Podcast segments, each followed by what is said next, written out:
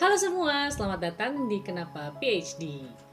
Kali ini kita akan main-main ke area-area selatannya UK nih. Kita akan main ke Bristol, ketemu sama Dandre Ali Purawijaya atau biasa aku sebut sebagai Daryl. Tadi aku agak-agak gimana gitu ya, kepleset lidahnya karena nggak biasa bilang dia Dandri gitu. Biasanya Daryl. nah, kalau Daryl ini kuliahnya di School of Physiology, Pharmacology, and Neuroscience di University of Bristol. Judul penelitiannya adalah Investigating Odorant Receptor atau OR eh, nomor 37 apa 37 ligands and animal Yes. welfare. Kak, tolong dibacakan dengan baik, Kak. Takut salah nih gua. Gimana? Inv- investigating odorant receptor 30, uh, 37 in animal welfare context. Oh, oke. Nanti Iya. Daryl bakal cerita nih sebenarnya ini apa sih investigating odorant receptor ini maksudnya apa bau-bau ketiak atau bau-bau apa kira-kira kan ya? Yes. Nah, ini akan menarik banget. Nah, buat perkenalan nih, Daryl ini adalah uh, seorang lulusan uh, fast track ITB dulu dia. Wow, anaknya ambisius sekali ya. Jadi lima tahun sarjana plus master uh, di biologi ya. Jadi Yes. waktu itu menurut dia dia tuh YOLO gitu loh. Kayak pas daftar, eh ternyata uh, ada ini, ada beasiswa ya dari Dikti. Jadi uh, jalanin aja gitu. Memang ya anak-anak muda sekarang tuh ambisius luar biasa. Happy terus go lucky, itu- Kak. iya tetap aja tapi lucunya abis dia lulus lima tahun sarjana dan master dia tuh kerjanya justru di bagian digital marketing selama nyaris dua tahun lah kira-kira dan itu Yes. jauh banget kan ya dari biologi tapi menurut dia uh, he learned a lot about transferable skills Of course. and jadi kayak nggak terlalu ambi untuk segala-galanya lah ya jadi kayak Yes. um, menurunkan standar untuk lebih realistis gitu kak ya Yes. kira-kira kayak gitu. Nah terus yang paling lucu ini nih kayak belakangan ini ya somehow aku tuh em, lagi dengerin JKT48 nggak tau kenapa JKT48 mohon maaf dan ternyata nyambung banget sama si Daryl karena kita tuh kayak menyadari bahwa kita kan tumbuh dengan kartun-kartun ini ya Jepang hari Minggu kan Yes, ya jam 3 Dan itu sore loh, jam Kak. 3 sore dan ada yang pagi gitu kan jam 7 pagi kita juga nonton dan itu Yes. tuh baru sadar bahwa memang lirik-lirik kartun ini tuh nggak ada yang nyambung sebenarnya ya. Gak ada, gak ada EYD-nya. nggak ada ide-nya ini gimana sih gitu kan? Mungkin dulu kan belum ada Google Translate juga sih ya kak. Jadi susah bagaimana menerjemahkan em, bahasa Jepang yang mungkin puitis gitu ya sebenarnya ya. Tapi dari Betul. bahasa Indonesia jadi kenapa? Apa apakah kau melihat mentari senja? Gak Dan dia- koheren. iya dan dia kayak dia tuh anak apa sih dia fans Idol Master I don't even know what Idol Master is kak lu ini apa sebenarnya aduh halo are you there Ya, halo, halo. Sorry, sorry. Oke, it's fine. Abis kakak terlalu kenceng, Kak. Headphone, headphone-nya putus. Apa-apa. Oke kak, ini ini apa kak? Idol Master, what is what is that? Itu apa lagi? Gue sebagai intinya sih semacam itu dari base berdasarkan animasi gitu. Intinya sih idol-idol juga. Ah, Cuma kayak apa ya? Lebih banyak lebih nekenin ke pengisi suara sih jatuhnya. Soalnya kan ah, oke, Ya, double gitu. gitu ya. yes, exactly. Oke. Dan ya gue pribadi sih emang suka banget gitu. Iya. Dan gue setuju banget sih yang lu bilang kayak iya soalnya mereka membicarakan hal-hal yang um, bukan cuma soal apa ya, Iya, bukan, bukan cuma cinta, bukan cuma sedih. Eh ngomongin kakak kelasku gitu. kayak masalah hidup tuh kayak no, masalah hidup tuh gak cuma soal cinta. iya, ada masalah-masalah lain Iya. seperti uh, perahu kertas gitu kan. Mau marah. ya gitu lah jadi seru Oke. banget lah sama Daryl ini oh iya teman-teman baru banget nih Daryl cerita ke aku dia punya channel YouTube judulnya adalah Daryl dan Dira uh, membuat lasanya. Oke, jadi cari aja uh, Daryl dan Dira itu uh, teman-teman bisa cari di YouTube. Dari aku baru dikasih tahu. Jadi ceritanya itu si Daryl uh, kan sudah berapa tahun kak lo di Inggris ya? Tiga setengah Tiga tahun setengah, lah kira-kira iya. di Inggris ya. Dan kita kan kalau di UK itu memang harus bisa masak dong. ya, Self sufficient, banget. exactly. Mm-mm, harus banget. Nah, ternyata adiknya Daryl nih mau menikah, tapi adiknya Daryl ini belum bisa masak. Jadi di channel ini dia ngajarin adiknya masak. Lucu ya. Jadi silahkan ke eh, cari aja Daryl dan Dira. Kemarin dia bikin lasanya seperti itu. Oke Daryl, kita sapa dulu. Hai, apa kabar? Hai Gaby, baik baik. Seru banget. Gue tuh sebenarnya pengen ngobrol soal JKT48 lebih lama, tapi durasi kak, mohon maaf. Tidak, ti- itu itu bisa dipisahin lain lain waktu aja Itu kak. bisa bisa lain waktu. Oke. Sebelum kita ngobrol-ngobrol soal riset lu Rel, uh, gue sapa dulu. Kenapa Yes. PhD? Kenapa tidak? Yeay, oke. nah, Der, uh, cerita dong uh, soal riset lu ini. Uh, dia kan judulnya adalah again investigating odorant receptor lah kira-kira. Yes. Ini sebenarnya apa? Uh, tujuannya apa? Dan kira-kira usernya nanti siapa gitu? Eh, jadi eh, mungkin lebih gampang kalau gue bikin dalam bentuk cerita kali ya, Gap. Oke. Jadi jadi pertama si judulnya kan Investigating Odorant Receptor 37 in Animal Welfare. Jadi pertama kalau gue Indone bahasa Indonesia ini ya. Jadi judul gue tuh ya intinya investigasi reseptor odoran itu tuh odoran tuh penciuman, sistem penciuman. Nah, jadi di dalam hidung, di dalam hidung kita itu kan banyak banget reseptornya yang ngebikin kita bisa jadi tahu bau-bauan gitu. Nah, gue spesifik di keluarga reseptor nomor 37. Ini tuh semacam keluarga reseptor yang baru diketemuin tuh tahun 2015 kalau nggak salah. Kalau keluarga reseptor ini tuh dia eh, diduga berperan kayak sebagai social buffering pheromone. Nah, gue kayak mungkin di sini jatuhnya gue menjelaskan sesuatu dengan istilah dengan istilah yang lebih susah lagi. Jadi sederhananya riset gue ini adalah tentang uh, menggunakan feromon atau yang kita umum uh, kalau di pop culture itu kayak diketahui sebagai bau-bauan untuk menghasilkan efek social buffering di konteks animal welfare.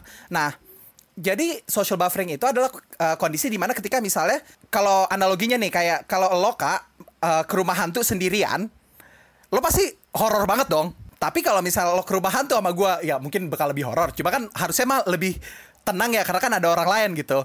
Nah, social buffering pheromone ini uh, dianggap sebagai salah satu bau-bauan yang ngebikin lo tuh merasa ada orang lain, padahal orang lainnya tuh nggak ada gitu loh. Nah, prinsipnya adalah ketika lo mengalami kondisi stres sendirian, itu akan jauh lebih st- bikin stres dibanding lo sama orang lain gitu. Cuma, nah kenapa konteksnya di animal welfare? Kalau kita ngomongin animal welfare, uh, di sini gue ngomongin konteks animal uh, hewan lab ya kak, kayak tikus dan mencit. Nah, jadi kan kalau misalnya beberapa jenis penelitian itu kan mengharuskan kita untuk mencit itu harus sendirian gitu. Tapi kalau mereka sendirian, kalau misalnya tiba-tiba ada bunyi berisik atau gimana, itu kan bakal stres banget dan kalau hewan kita stres di lab, otomatis itu data kita jadi berantakan. Dan itu tuh akan benar-benar ngurangin kredibilitas kita sebagai scientist gitu. Dan itu nyebabin data kita nggak bisa direplikasi dan sebagainya. Ini tuh satu hal yang menurut gue pribadi masih rendah banget ya awarenessnya di Indonesia gitu. Dan jangankan Indo, bahkan di dunia ya, wah gila kak, nggak habis pikir deh orang-orang kayak bener nganggep ya udah sih toh mereka hewan lab. No, nggak bisa gitu. Itu sih konteksnya adalah gue sih pengen banget kalau misalnya maksudnya gue juga masih belum tahu ya ini hasilnya gimana kan masih PhD. Iya, iya, iya, iya, semangat kak. Terus, terus. Nah, kalau misalnya ini bisa diaplikasiin, gue tuh pengennya adalah eh, si jadi ke- ada beberapa eh, konteks eksperimen di mana hewan lo itu harus sendirian dan dengan adanya si feromon ini di mana OR37 ligand kita tuh bisa ngebikin hewan kita tuh jadi dia sendirian tapi nggak menjadi stres karena sendirian itu gitu loh lebih mengurangin variabelnya begitu.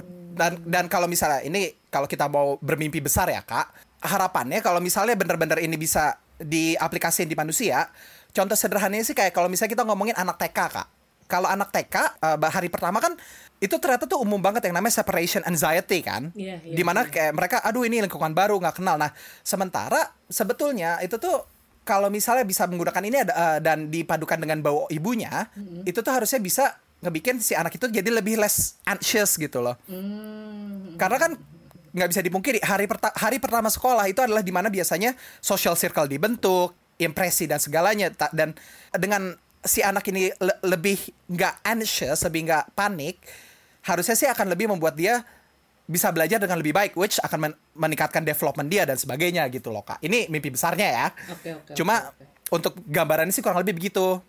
Begitu kurang lebih penelitian gua kak Oke, jadi eh, mempergunakan feromon. Jadi feromon itu sebenarnya bau-bauan ya, gitu ya. Iya, jadi intinya bau se- sesuatu bau-bauan yang dihasilkan satu individu dalam satu spesies dan bisa diterima oleh individu lain. Hmm, oke. Jadi Gue inget sih kak, lo kan kuliah S2 tuh di Prancis ya. iya. Nah, lo uh, mungkin lo familiar sama judul awalnya novel yang dibikin film Perfume. perfume ya ya ya ya. Nah, itu itu bener-bener liar banget sih soal fantasi feromon. Cuma ya kurang lebih konsepnya begitu. Jadi intinya bau-bauan yang bisa ngerubah perilaku atau efek ke badan lo gitu loh. Hmm, oke. Gitu. Mm-mm. Ya ya ya. Jadi waktu lo ngomong feromon itu sebenarnya ya itu yang lo lo ini adalah kayak apa ya? Yang kita bisa terima gitu, yang kita receive ya. Yes. Kita kita punya Ah, ah. reseptor gitu kan. Kita Yes. lalu kita mm, merespon itu dengan seperti apa? Kira-kira kayak gitu ya. Betul. Hmm, Oke, yes. dan lo memanfaatkan hal ini untuk um, yaitu animal welfare di lab. Iya. Terus habis itu cara lo untuk uh, meneliti ini tuh seperti apa sih? Uh, apakah lo dengan maksudnya kayak bagaimana lo mengkondisikan bahwa ada I don't know bau-bauan tertentu gitu ya pas pas ya mungkin lo ceritain aja apa apa yang lo kerjakan untuk mendapatkan ini gitu. Jadi pertama nih, kalau kan jelas kita ngomongin animal welfare.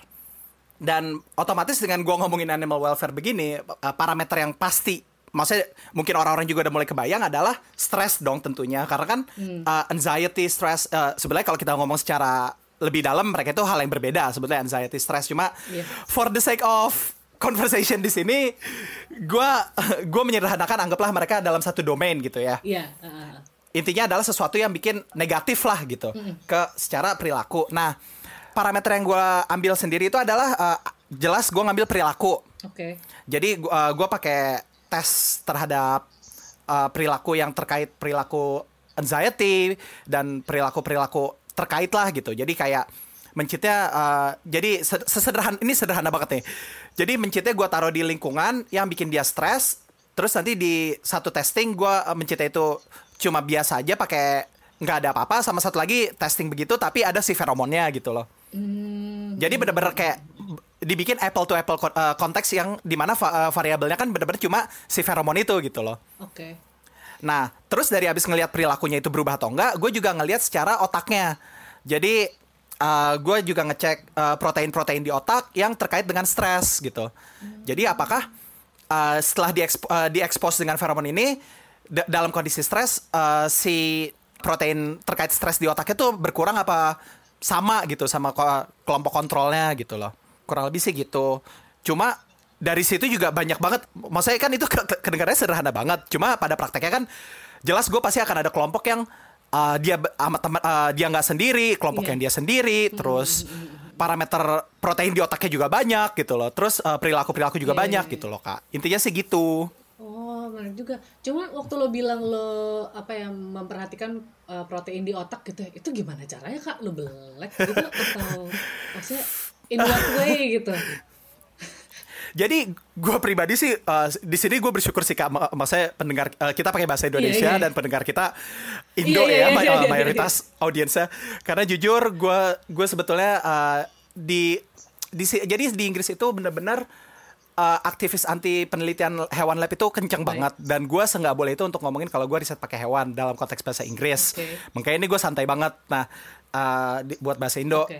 soalnya kata itu bener-bener yang kalau orang kerja pakai hewan tuh bener-bener sampai diancam pakai bom dan sebagainya gitu loh di sini Wow. separah itu Oke. makanya Hmm. tapi balik lagi sebenarnya ini agak agak agak parad paradoksikal sih dengan konteks oke. gua karena penelitian gua kan untuk ngebikin hewan ini lebih makmur dan sejahtera Iya, gitu iya, loh iya. Tapi ya buat lab juga sebenarnya gitu ya. itu dia makanya jadi kayak Iya, ya iya, gimana ya Ah. ya gitu nah cuma ya gue tapi gue bisa menjamin kok gue penelitian dengan hewan ini gue pakai standar eh, yang benar-benar tinggi yang bahkan eh, kayak gue mungkin bisa dengan PD bilang di Bristol tuh standar welfare gue mungkin tertinggi di dunia jatuhnya. Hmm, Oke.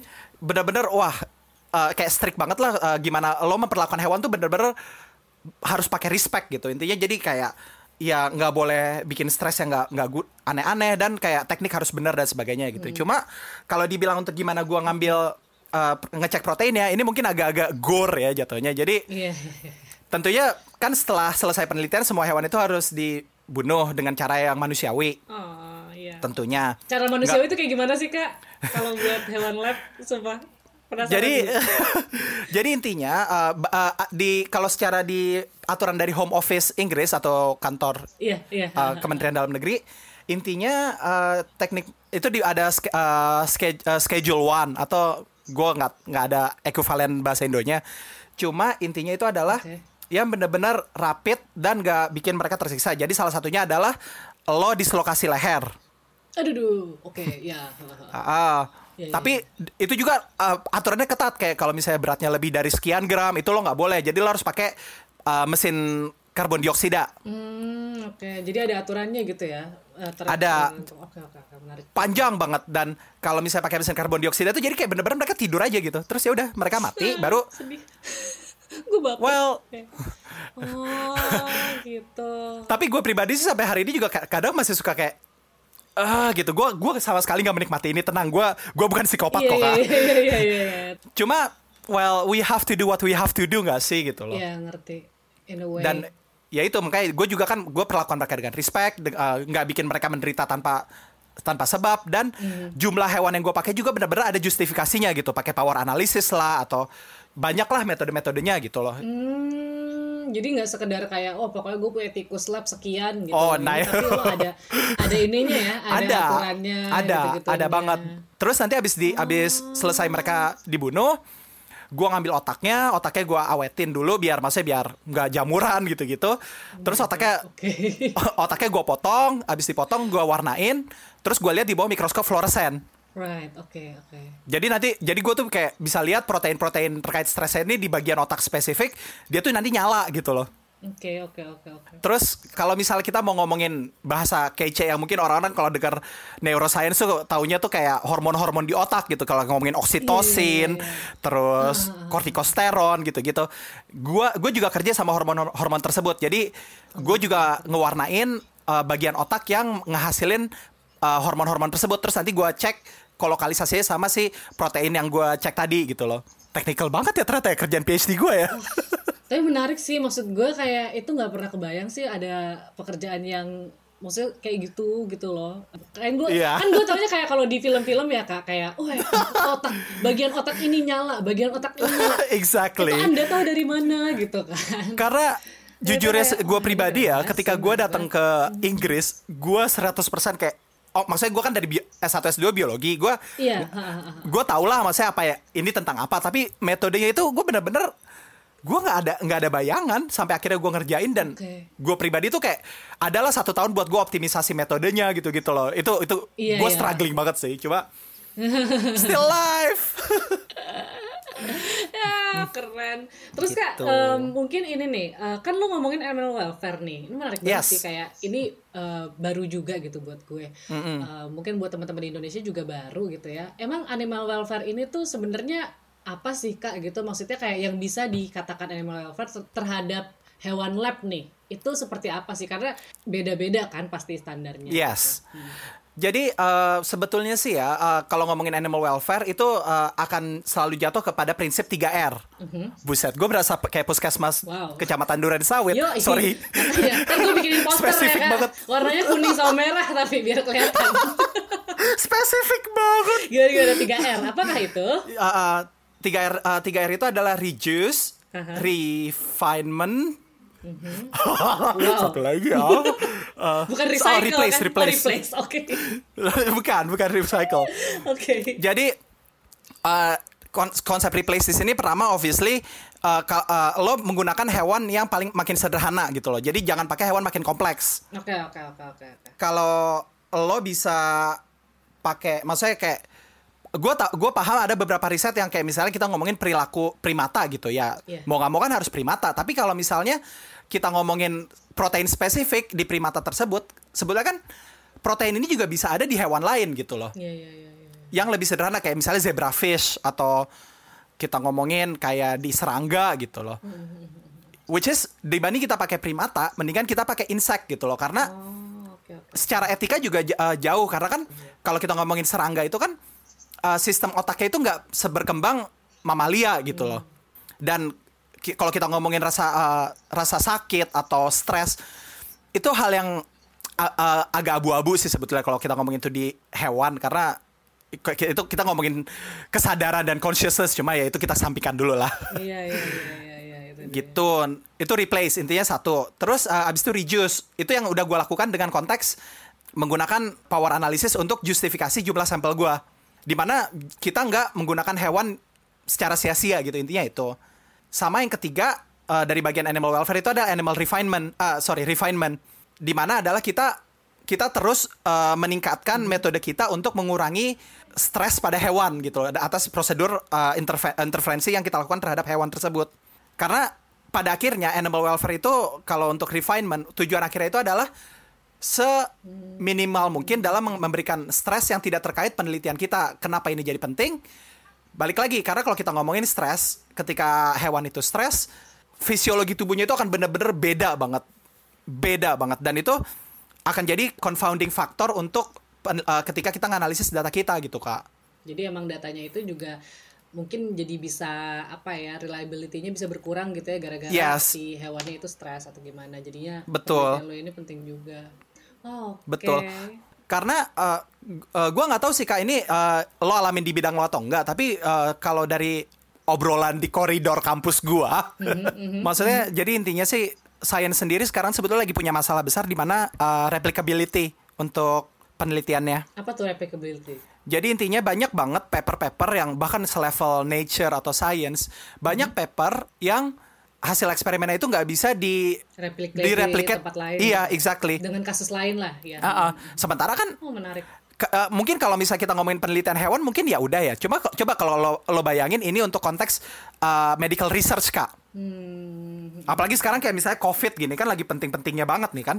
Iya sih, mau nggak mau ya soalnya kalau kalau risetnya mungkin um, atau mungkin gue tanya langsung aja deh emang riset-riset apa aja sih kak yang emang bener-bener membutuhkan hewan? Mungkin teman-teman di sini pengen tahu juga yang bener-bener butuh animal testing. Soalnya kan kayak sekarang kan lagi tren juga ya walaupun di UK lebih uh, keras ya. Yes, mungkin betul. di Indonesia dan di dunia ini udah mulai kayak ada pergerakan against animal testing gitu. Emang um, riset-riset apa aja sih yang kayak nggak bisa ditawar gitu kan? Ini harus pakai animal testing gitu biar teman-teman bisa punya pengetahuan itu juga sebetulnya kalau gue uh, gue pribadi gue maksudnya dari ngelihat uh, trend lain zaman sekarang juga ya banyak riset-riset juga sebetulnya udah menuju ke in silico atau pakai programming. Oke. Okay. Mm -hmm. Jadi kayak sebetulnya kayak riset gue sendiri ini kan tadi kan gue sempat mention uh, ini si OR37 uh, OR37 ini tuh pertama muncul kan uh, termnya kayak di tahun 2015 lah si riset yang paling gedenya ini. Okay. Nah itu tuh uh, jadi kan ini risetnya dilakuin di Bencit sebetulnya. Mm -hmm which dari situ gue juga sebenarnya gue berdasarkan paper tersebut gue juga pakai mencet. Nah cuma kan uh, tadi kan mimpi besarnya adalah uh, ini bisa diaplikasikan di spesies lain atau enggak kan? Iya betul. Nah sebetulnya kan kalau misalnya kita ngomongin contoh kasusnya adalah gue pengen tahu nih ini bisa dipakai di anjing atau di babi atau di monyet gimana?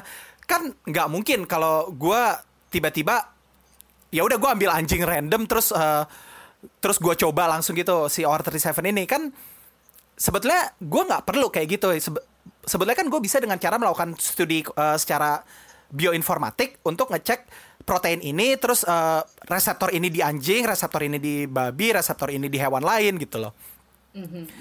jadi okay.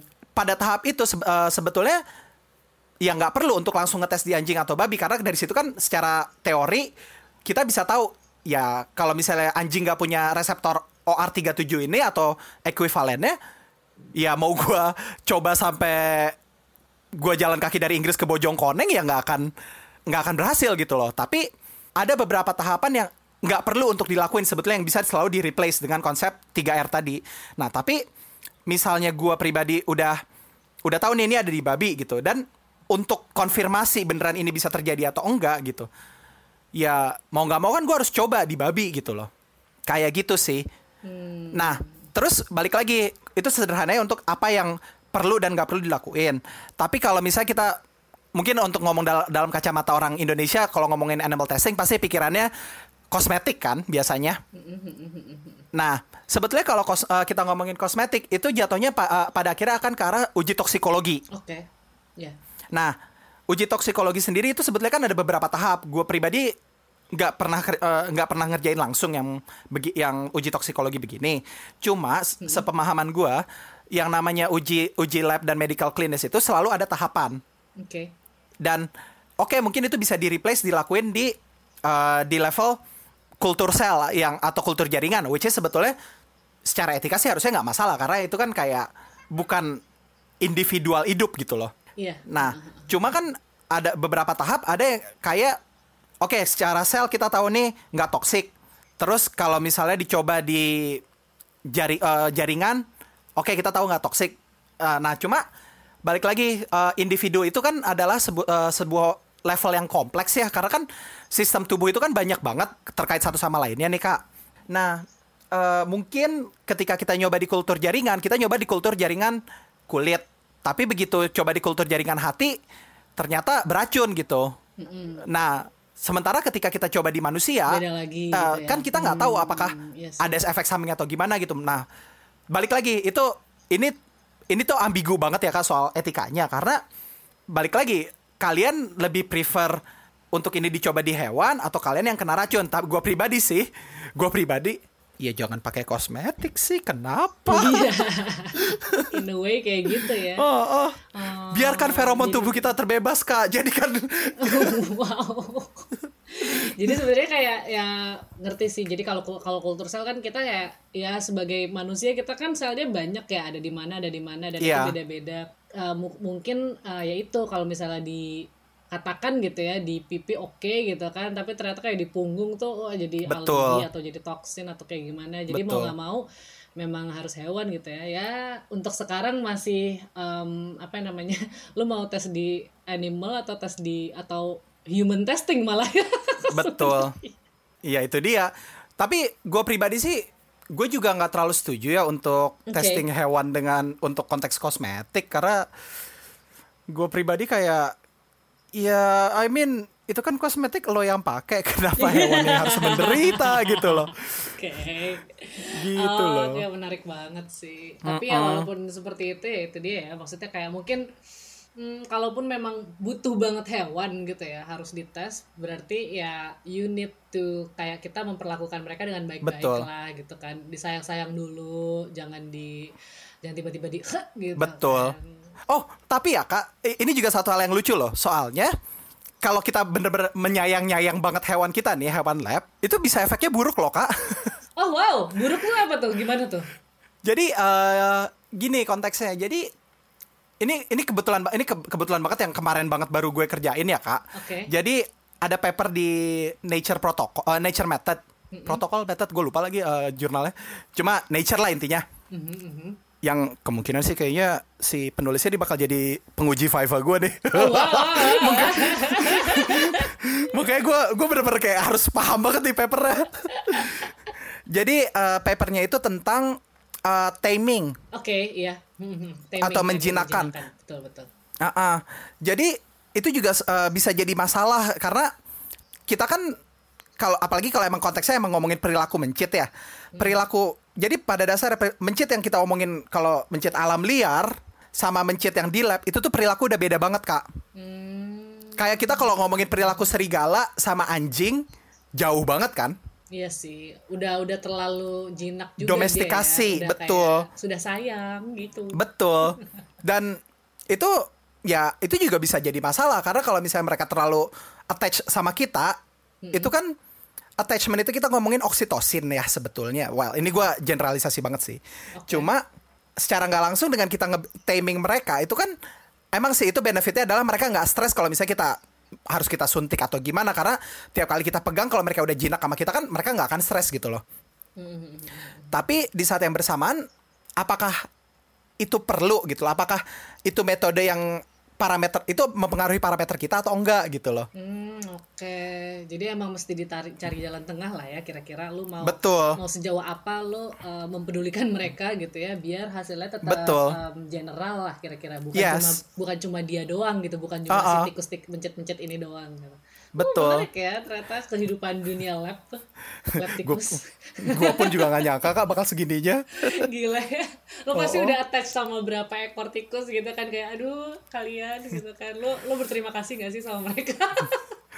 Well, tapi gue pribadi kadang, eh maksudnya ya gue nggak mau kiri, gue menurut gue mereka lucu ya, gemes banget. Iya. Tapi tapi gue belajar banget adalah ketika di akhir eksperimen gue harus bener-bener berusaha untuk detach sama mereka sih. Iya sih, benar ya. Karena ya gimana? Gimana? Aduh, Begitu. kompleks. Wah, thank you banget kak udah ngobrol-ngobrol. Gue jadi punya bayangan gitu orang-orang yang kerjanya di lab dengan tikus tuh gimana gitu. Dan Nah, mungkin oh. relate juga deh sama teman-teman yang risetnya tuh eh, bermain dengan Pakai hewan. Hewan gitu. Uh, Karena jujur ya kak, riset kayak gini itu beda banget sama orang-orang yang, eh, yang riset medis atau riset kanker gitu ya. Iya, itu iya, bener-bener beda karena gua kan jatuhnya tuh pure perilaku gitu loh. Emang Iya, betul. Behavior topik gue tuh biologi, behavior, neuroscience, bukan medik atau clinical gitu. Iya, lu udah behavioral tapi behavioral hewan gitu kan. Nah, nah pusing. Makanya, gua pun Gila, kak. gila, gila. Oh, menarik banget sih. Oke Gitu. kak, thank you. Kita sekarang Sama-sama. pindah ke pembicaraan yang lebih mendalam lagi. Jadi em, pertanyaan gue pertama nih mungkin, kenapa sih lo ngambil PhD dan kenapa soal ini gitu? Kenapa soal yang feromon gitu kan? Dan kenapa lo tiba-tiba nyemplung ke em, animal welfare juga kak kira-kira? Gini, jadi kalau ditanya kenapa gue mau PhD ya, jadi Mhm. seperti eh, tadi kan eh, lo juga udah mention ya Gap kalau gue sempat kerja eh, nyaris 2 tahun lah di digital marketing gitu. Iya. Nah dari kerja 2 tahun itu tuh gue gue enjoy kerja sebagai digital marketing. Cuma di situ tuh gue merasa gue kayaknya lebih prefer research deh sejujurnya. Oke. Wow. Which karena yang gue suka dari research itu adalah gue tuh bebas, gue yang menentukan hidup gue sendiri mau gimana gitu. Mhm. Sementara kan kalau waktu zaman gue kerja di kantoran itu adalah gue harus masuk jam 10 sampai jam 6 sore dan kayak terlalu rutin banget gitu dan jujur gue merasa sesak di situ. Oke. Dan gue merasa ya gue pengen riset dan di eh, sebenarnya tuh pas waktu itu tuh gue sempet dilema banget tuh kak. Jadi pas banget pas gue dapat beasiswa di saat yang bersamaan gue sempat ditawarin untuk pindah kerja ke Thailand. Jadi digital marketing di Thailand gitu gue kayak Aduh. Wow. sekali gitu ya. Oke. antara gue pilih karir atau gue pilih edukasi. Wah, gue cuma pada akhirnya yang, yang tetap gue pegang di sini adalah gue pengen riset gitu loh. Oke. Itu Oke. itu Daryl lima tahun yang lalu empat lima tahun yang lalu ya kak. Daryl yang sekarang sih. udah udah dong udah gak mau PhD lagi. Tapi kak maksudnya dari judul nih ya. Oke, lo pengen Ah, riset. ah. Uh, how did you come up with this one gitu? Apakah lo apply ke profesor yang sudah ada, maksudnya pembimbing lo apakah sudah ada judul atau lo come up with that idea yourself atau kayak gimana kak? Kenapa jadi ngomongin ini Kanda? Eh, jadi gue pribadi emang dari semenjak bahkan semenjak kuliah satu gitu ya. Gue tuh obses banget sama topik feromon. Oke. Eh mungkin kedengarannya aneh tapi mungkin ya, jawabannya bener-bener seaneh yang lo, yang kalian pikirin sih sebetulnya. Oke. Gua itu adalah eh, ini secara ini jatuhnya motivasi pribadi sih kak. Gua orangnya Ah, ah. eh, gua ngebedain orang itu sebetulnya dari bau kak. Nah, lo judgmental tapi dari bau ya. Aduh. iya. Wow. Aduh serem. Ja- Jadi orang sebetulnya bau bau badan sendiri tuh menurut gue pribadi ada spektrumnya kak. Oke. Dan gue tuh kayak gue tuh amazed banget lah sama dunia feromon karena eh, maksudnya dunia bau-bauan ya karena kan Ah, feromon tuh masih highly debatable banget lah. Iya iya iya iya oke. Nah, cuma gue tuh kayak merasa ini tuh satu indera kita yang orang-orang tuh kayak lupa gitu loh. Padahal kalau kita ngomongin sistem penciuman, orang tuh pakai bau-bau ya itulah kayak aromaterapi buat ngurangin stres dan sebagainya gitu. Potensinya tuh banyak gitu loh sebetulnya. Cuma kayak kalau lo cari ya kak, orang-orang yang ngerjain riset ini tuh kayak dikit banget di dunia. Hmm oke. Gue sempat ke konferensi tentang penciuman plus eh, jadi olfactory and gustation eh, rasa. Rasa oke. Masih lebih banyak Di yang Eropa? dirasa ya. AA itu eh, konferensinya di Eropa yang datang sekitar 300 orang di mana serat- eh, 200 orang kerja sama eh, rasa 100 tentang penciuman dan itu dari satu satu dunia lah kurang lebih. Hmm oke. Sekecil itu komunitasnya. Wah sedekat itu ya tapi berarti dong kalian tuh. Makanya, Oh, makanya. oke. Dan dari situ gue gue pengen banget. Jadi abis gue mutusin gue mau PhD, gue pengen banget soal feromon, no matter what gitu. Walaupun ini tuh gak ada urusannya sama S1 S2 gue gitu loh. Oh iya nggak ada urusan sama S1 S2 lo. Jadi S1 S2 gue jatuh eh, risetnya itu kan tentang neuroscience juga sebetulnya, tapi gue pakai eh, gelombang otak manusia eh, dan pengaruh cahaya biru.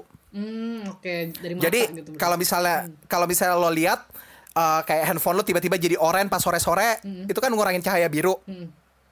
nah itu tuh riset gue tuh ya yang kayak gitu gitulah kurang lebih gitu loh Oh, oke. jadi kayak gue lompat indra gitu loh kak. Makanya sekarang lu jadi indra penciuman ya. exactly. Nah Oke. terus dari situ gue berasa kayak aduh gue pengen gue pengen uh, topik ini. Terus ya udah gue bener-bener googling uh, PhD fer- uh, human pheromone. Nah, paling atas bener-bener supervisor gue sekarang. Oke. dokter ya itu uh, nah coba dari situ terus uh, Bristol terus gue lihat ternyata Bristol juga masuk list dari sponsor gue dan ya udah. Terus gue coba email pro- oh, supervisor gue sekarang.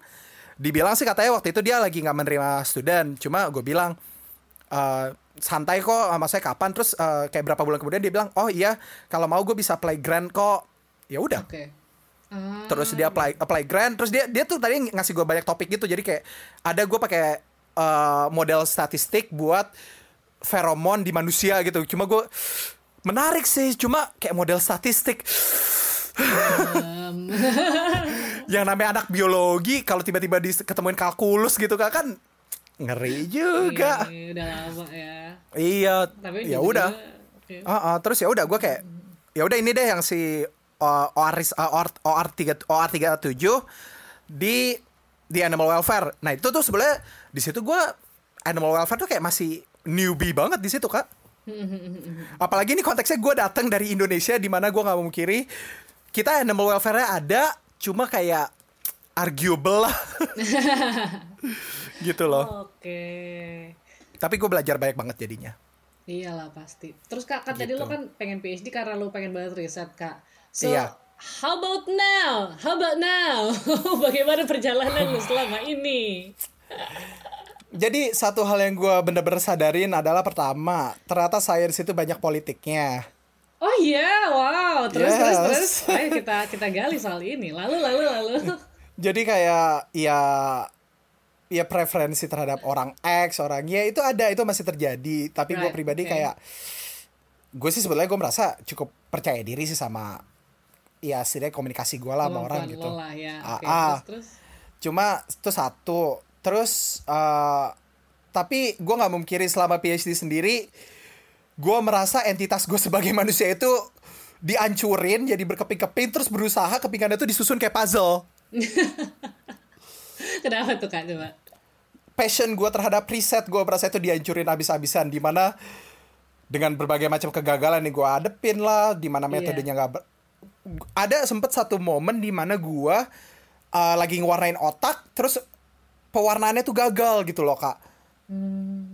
Dan itu seka- sekali eksperimen tuh gue kayak 2-3 bulan terus gue kayak tiga kali gagal kalau nggak salah. Ah, terus ya udah enam bulan sia-sia gitu. Ah. terus kayak ada uh, ada senior di lab gue bilang kalau kayak gini terus Mil lo harus ganti, lo harus ganti topik kalau kayak gini. Itu gue di a- Ya. Awal tahun ketiga digituin gimana gue nggak stres coba Iya. kak Gue gue mengerti banget kok ini lo. Iya iya iya iya. iya, iya. cuma ya gue nggak mungkin gue gue juga gue merasa sains itu stres stressful banget bener-bener Mhm. tapi gue nggak memungkiri ketika gue menemukan dari 10 kegagalan terus ada satu keberhasilan itu tuh stresnya tuh hilang Iya, ngerti sih gue.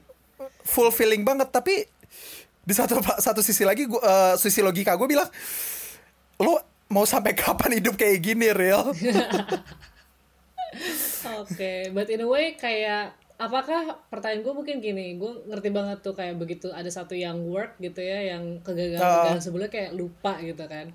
Tapi kayak in a way um, lo masih ini gak sih, uh, lo masih akan berkutat di dunia riset gak sih setelah PhD ini? Mungkin pertanyaan gue kayak gitu. Eh, gue open sih sebetulnya Oh, open, oke. dalam artian gue pengen banget kalau bisa postdoc postdoc cuma mengingat komunitas eh, olfaktori penciuman ini rendah banget jumlahnya Mhm. ya mungkin bakal susah tapi ya kalau bisa gue nggak nolak Oke, tapi Jadi- ya oke. gue juga pengen ya kalau gue nggak mau kiri gue pengen kerja juga yang kerja proper tapi di satu pihak gue juga pengen pengen jadi pengajar gitu gue juga tertarik juga sejujurnya nggak tahu sih kak gue bingung Jadi lu masih istilahnya lu masih open lah ya, nggak se- Ah, ah. maksudnya nggak kayak berarti walaupun eh, apa ya, walaupun lu masih pernah gagal riset segala macam, tapi kayak kalau ada kesempatannya, you still take it gitu lah ya kira-kira. oh of course Oh, of course. ternyata ternyata em, ini nyata ya apa sih namanya em, Stockholm syndrome itu nyata ya kayak. Gak bisa ke mana-mana. Oke menarik banget kak. Nah terakhir nih Begitu. sebelum uh, gue tutup pembicaraan kita hari ini, uh, seru Yes. banget kita ngomongin animal welfare. Uh, Yap. Ada nggak kata-kata yang pengen lo sampaikan kepada Daryl yang masih muda? Mungkin bayangin uh, lo bertemu dengan Daryl yang bersemangat mau pakai baju lab pertama kali di Bristol. Kira-kira kayak gitu. Eh, bentar kak gue gak pernah pakai baju lab Lah terus lo sama tikus pakai apa? Gak oh pakai jas lab? Kalau sama tikus gue pakai buat baju di kandang tapi di lab mah nggak pakai Oke, baiklah. Ketemu Daryl lo hari pertama di Bristol. Eh, gue sih cuma eh, yang bakal gue bilang adalah jangan terlalu merasa minder sih sebetulnya. Just be yourself karena ya balik lagi karena gue pas gue awal-awal datang ke Bristol tuh gue kayak struggling banget sama inferiority complex apalagi gue ngerasa aduh gue orang dusun gak dusun juga sih gue anak Jakarta Eh, kayak Wow, dusun banget. Terus terus terus. bilang Jakarta padahal orang Bekasi. Eh gue kayak sebetulnya tuh dengan standar gue dari ITB ya itu tuh sebetulnya nggak jelek kok gitu loh. Kita tuh banyak banget eh, level-level di Indo yang sebetulnya bersaing sama luar negeri. Cuma karena kita merasa oh mereka orang luar mungkin mereka lebih pinter gitu-gitu. Not really. Dan ya itu sih gue struggling sih jatuhnya di situ. Cuma gue pengen bilang just be yourself, don't think too much, you'll be fine. Oke. Intinya sih gitu sih. And don't think too much. Ah, ah. karena balik lagi gue pribadi kan emang orangnya sebetulnya kan lebih ke arah happy go lucky ya kayak ya YOLO lah jalanin aja. nah tapi karena awal-awal tuh gue banyak kepikiran ini itu gue jadi kayak aduh jangan deh nggak berani ini nggak berani itu. No, don't do that. Padahal mah gue pribadi ya sebelum ke Inggris mah anaknya mah nggak tahu diri kak apa apa di bulldozer aja. Tapi ya itu, it'll be fine gitu sih intinya. Thanks banget ngobrol-ngobrol hari ini. Sukses Sama-sama, Kak. Untuk kelanjutannya. Yes, lo juga kak. Ada hasil yang um, lo bisa banggakan lah paling tidak yang paling penting coy. Betul. Apa jalan terus ya lo mau riset mau apa apa pun yang ada di depan mata lo pokoknya wah star pokoknya jadilah Betul. idola kak jadilah idola. Apakah kamu melihat senja kak? kamu lihat kan tadi sudah Jangan lupa buah dari masa depan ya. Jangan lupa buat dari masa depan. Oh my God. ya, em, daripada kita mulai ngomongin hal-hal yang orang-orang nggak Yes. mengerti, kita ngomong apa ya? Kita tutup dulu. Oke, sampai Yes. ketemu di Kenapa PhD minggu depan, setiap hari Selasa. Bye, Daryl. Bye Gaby. Dah.